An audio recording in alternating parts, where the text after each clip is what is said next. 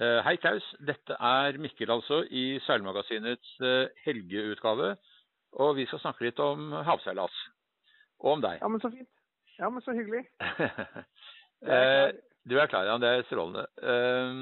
Du har jo hatt en lang karriere i havseilas, du, og ble i grunnen kjent i norsk seiling da du var med i Whitbread Round the World Race i 1981, var det vel, med Berge Viking.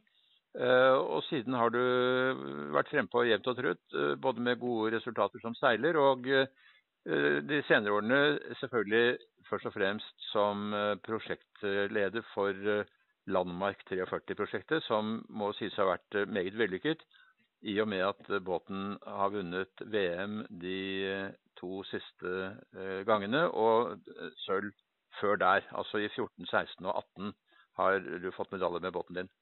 Men likevel så eh, er det ikke laget mer enn ni båter. Hvorfor ble det ikke det? Ja, det er jo et uh, lite paradoks. Vi hadde nok ikke uh, tatt høyde for å lage veldig mange, men uh, atskillig flere enn de ni som ble bygget. Uh, og, dette er en kombinasjonsbåt, regattatur med trykk på regatta. og Der er markedet litt smalere enn der hvor båtprodusenter vanligvis legger seg.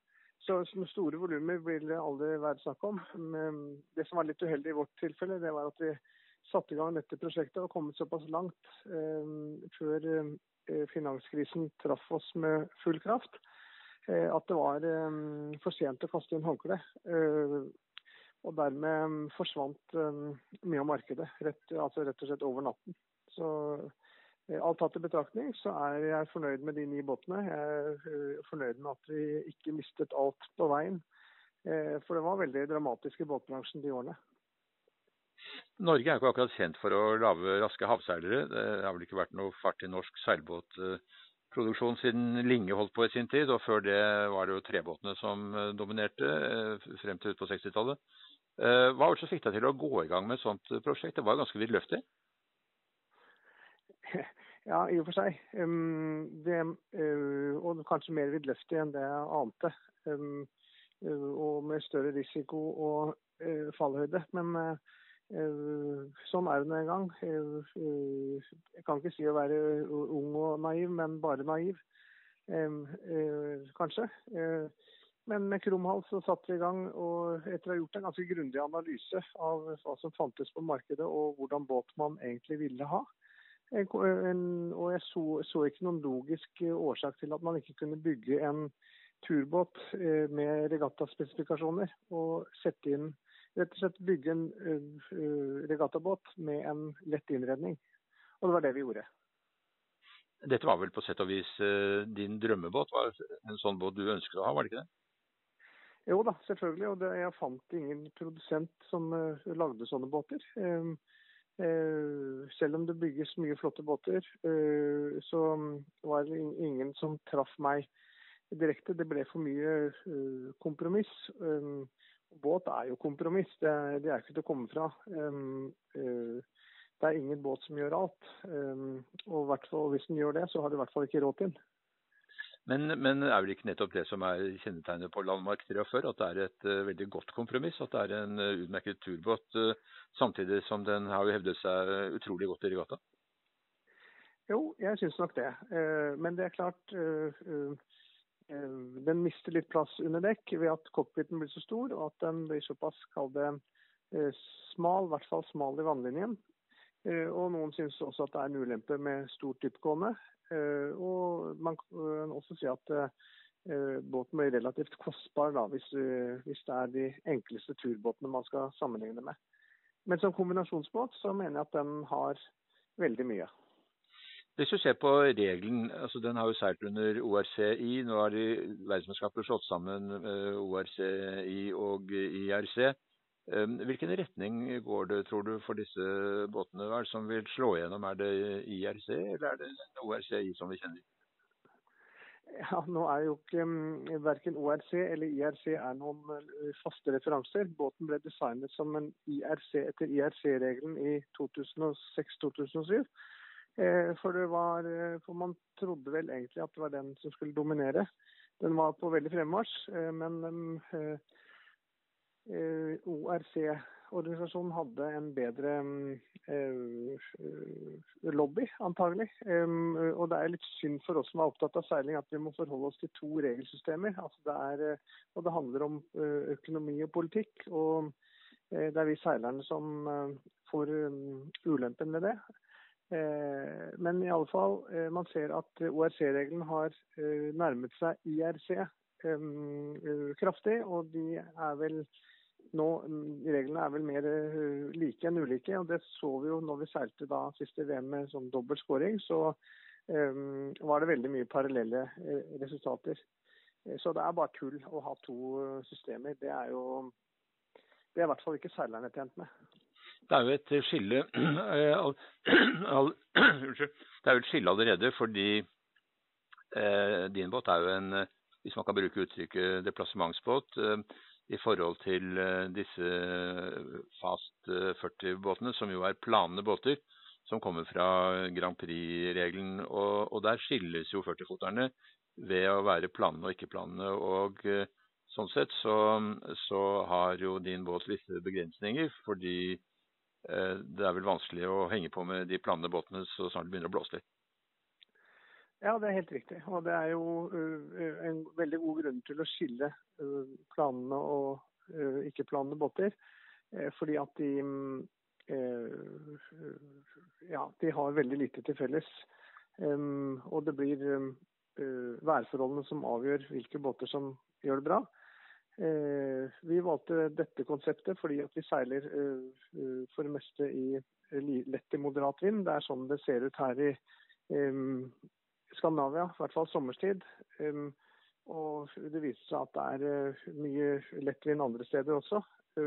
Så kan ikke helt se at altså de planene båtene skal ha noen særlig fordel så lenge de seiler i konkurranse med deplassementsbåter. Med mindre de gjør noen radikale endringer på reglene. Så eh, det at de eh, skiller, det er veldig viktig og veldig naturlig. Da du eh, startet prosjektet, så valgte du en designer, Mark Mills, og du valgte å bygge båtene i Dubai. Særlig det siste var vel krevende i, den forstand at Dubai er stykke unna Norge, og det var mye reising frem og tilbake, og det var krevende med en annen båtbyggerkultur osv. Men hva var bakgrunnen for begge disse valgene? Ja, ta det valget av designer først. Jeg følger jo uh, godt med, kanskje mer enn de fleste. Og uh, jeg så jo da at det var en eh, relativt ung irsk-amerikansk båtdesigner som hadde veldig fremgang. Ja, og, og han, hadde også, at, han hadde også suksess med, med, med, King 40 blant annet, som vi jo hadde en av i Norge. Ja, den kom senere, for hvis jeg kan korrigere litt. Men han hadde okay, noen, ja. forløpig en, en, annen veldig flott one-off 40-foter som, som, gjorde veldig bra i England. Jeg tenkte vel egentlig at den, dette er en person som jeg kan kanskje påvirke litt med egne tanker og meninger. Eh, lettere det enn å gå til etablerte båtdesignere som Brus far eller Rydel Frolik eller andre stjerner. Det er ikke så mange av dem. Um, og det var um, Jeg hadde helt rett. Uh, han likte konseptet og uh, ble veldig entusiastisk i forhold til dette. Uh, kombinasjonsbåter hadde han ikke vært borti før i særlig grad, så han så, så poenget. valget av båtverft er eh, har også en historie.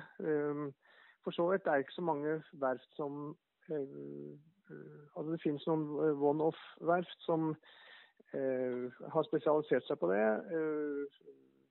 verft som påtar seg serieproduksjon for andre, som såkalt OEM-produsenter, e er det veldig få av. Altså, de etablerte båtbyggerne vil gjerne bygge sine egne båter. Enten det heter eh, ja, Beneteau eller X-Yachts eller hva. Det er ikke bare å komme til dem med et oppdrag. så sånn ble det egentlig. og det er som du sier, det var eh, en eh, komplisert og lang vei mot målet. Men vi lykkes veldig bra. og jeg er veldig fornøyd med også, I ettertid kan man si at det var gode valg. Dette stilte jo store krav til din egen tekniske innsikt og eh, ikke minst eh, detalj, evnen til detaljstyring. Hvordan, eh, hvordan forløp det? Ja, da, altså, jeg er nok mer enn middels opptatt av teknologi. Og det har på en måte fulgt meg da både interesse og yrkesmessig. Og så hjelper det at man er eh, litt sånn eh, ja, detaljorientert, da. Eller, eh, og kanskje vel så det. At man ser at i sånne prosesser så er det må man ha kontroll på alle detaljene. Ellers så blir det ellers så kommer man ut av kontroll, kort og godt. Hjalp det deg da du skulle organisere lag og få frem en god båt også til selve mesterskapene? Ja, det er vel litt sånn jeg er. At det er uh, Og jeg ser jo også at øh, seiling er ualminnelig, altså nesten uendelig komplisert. Uh, hvis man skal ta, gjøre, liksom, gjøre, en grundig analyse av alle fasettene i seiling, så blir den listen veldig lang. Så for å, Det må forenkles, og for å kunne forenkles så må man forsøke å forstå og veie Eh, hvert enkelt element. Og det har også med økonomi å gjøre. Derfor blir eh, prioriteringen enda mer brutal, i hvert fall for mitt vedkommende. Så eh, ja, det er veldig fokus på detaljer. Og, men når det gjelder valg av laget, så har jeg en veldig klar filosofi i og for seg. Og det er at jeg er veldig ydmyk for lagdynamikk. Vi er jo like mange om bord i denne båten som man er på et fotballag. Og fungerer, et lag fungerer bare hvis det er uh, harmoni i laget og god stemning. Og derfor så er uh, har jeg vært så heldig at jeg kunne omgi meg med uh, ikke bare flinke folk, men personer som har rett innstilling. Um, og ja, det har vært veldig moro. Du hadde med deg din gamle venn som du har seilt Hvitbredd og andre ting, ja, Hvitbredd særlig, Roger Nilsson, som jo er en, vel, en velkjent proff. hvordan fungerte det? Ja, Det er klart at det er en ære å, å, å kunne seile sammen med en sånn rutinert kar. Han er jo en legende. Han har kappseilt jorda rundt åtte ganger som navigatør og vært, levd et liv med seilsport på absolutt aller høyeste nivå. Um, og det er klart at um, han har mye erfaring og kompetanse som vi, ha, som vi hadde veldig god nytte av. Og det var jo uh, ingen tilfeldighet at jeg inviterte han med om bord, nettopp fordi at vi på forhånd visste at det var Eh, navigasjon og vær som ville bli våre store utfordringer i, når vi skulle seile i Nederland. Farvannet der er ganske annerledes enn hva vi er vant med herfra. Så eh, da eh, måtte vi ha en litt annen tilnærming. Klaus, nå, nå, står du da med to VM-titler og en sølv fra de tre siste mesterskapene. Hva blir veien videre? Ja, det kan du si. Det er det er, ikke, det er moro der og da, men det er ikke noe som preger hverdagslivet. Og det er i hvert fall ikke noe man kan leve av. Snarere tvert om. Så ja, litt sånn flåsete sagt, så er det vel noe Det går vel an å gi seg på topp. Gi seg med seiling, det er det vel for så vidt behov for, for det er noe man kan ha med seg i graven. fra seilsporten har noe å tilby alle i alle aldre. Så jeg har nok ikke um, uh, seilt min siste regatta eller hatt min siste båt, men båten er nå solgt. Uh, glad for at en ny tysk eier kan fortsette der hvor vi slipper nå.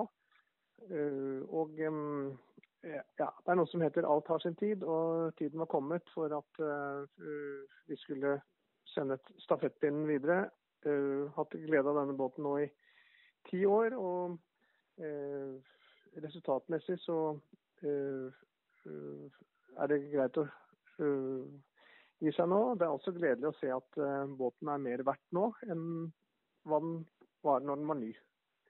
Det Normalt ja. så er det jo lettere å kjøpe båter enn å selge båter. Så det er mulig at du ser på dette med en viss lettelse, men samtidig så er det kanskje også vemodig. Du selger ikke bare båten din, men du selger deg kanskje også ut av et prosjekt som du har hatt mye glede av? Ja, det er helt klart vemodig. Eh, men eh, det er ikke alltid at uh, fornuft og følelser går helt hånd i hånd. Så får vi glede oss over at båten fortsatt seiler. Og så får man heller felle en tåre når, når den seiler forbi meg her i Son på vei ut Oslofjorden til ny, ny hjemmehavn i Tyskland. Det, det, går rykter om at du nå planlegger å seile på tur langt borte fra norske kyster? Ja, som sagt, um, seiling har masse å by på. Det må ikke nødvendigvis uh, være å seile fortest mulig rundt uh, noen utlagte bøyer. Jeg har vært så heldig å bli invitert med på en uh, ja, tre-fire måneders seilas i den vestre delen av um, Stillehavet. Uh, og det er klart at en sånn sjanse kan man ikke bare la gå fra seg. Så å pakke, da blir det å pakke en lett bag og eh, begynne å glede seg til, til turseilas i, i Stillehavsøyene. Men, men, jeg tar vel ikke feil når jeg sier at ditt siste ord som regattaseiler, det har du ikke sagt?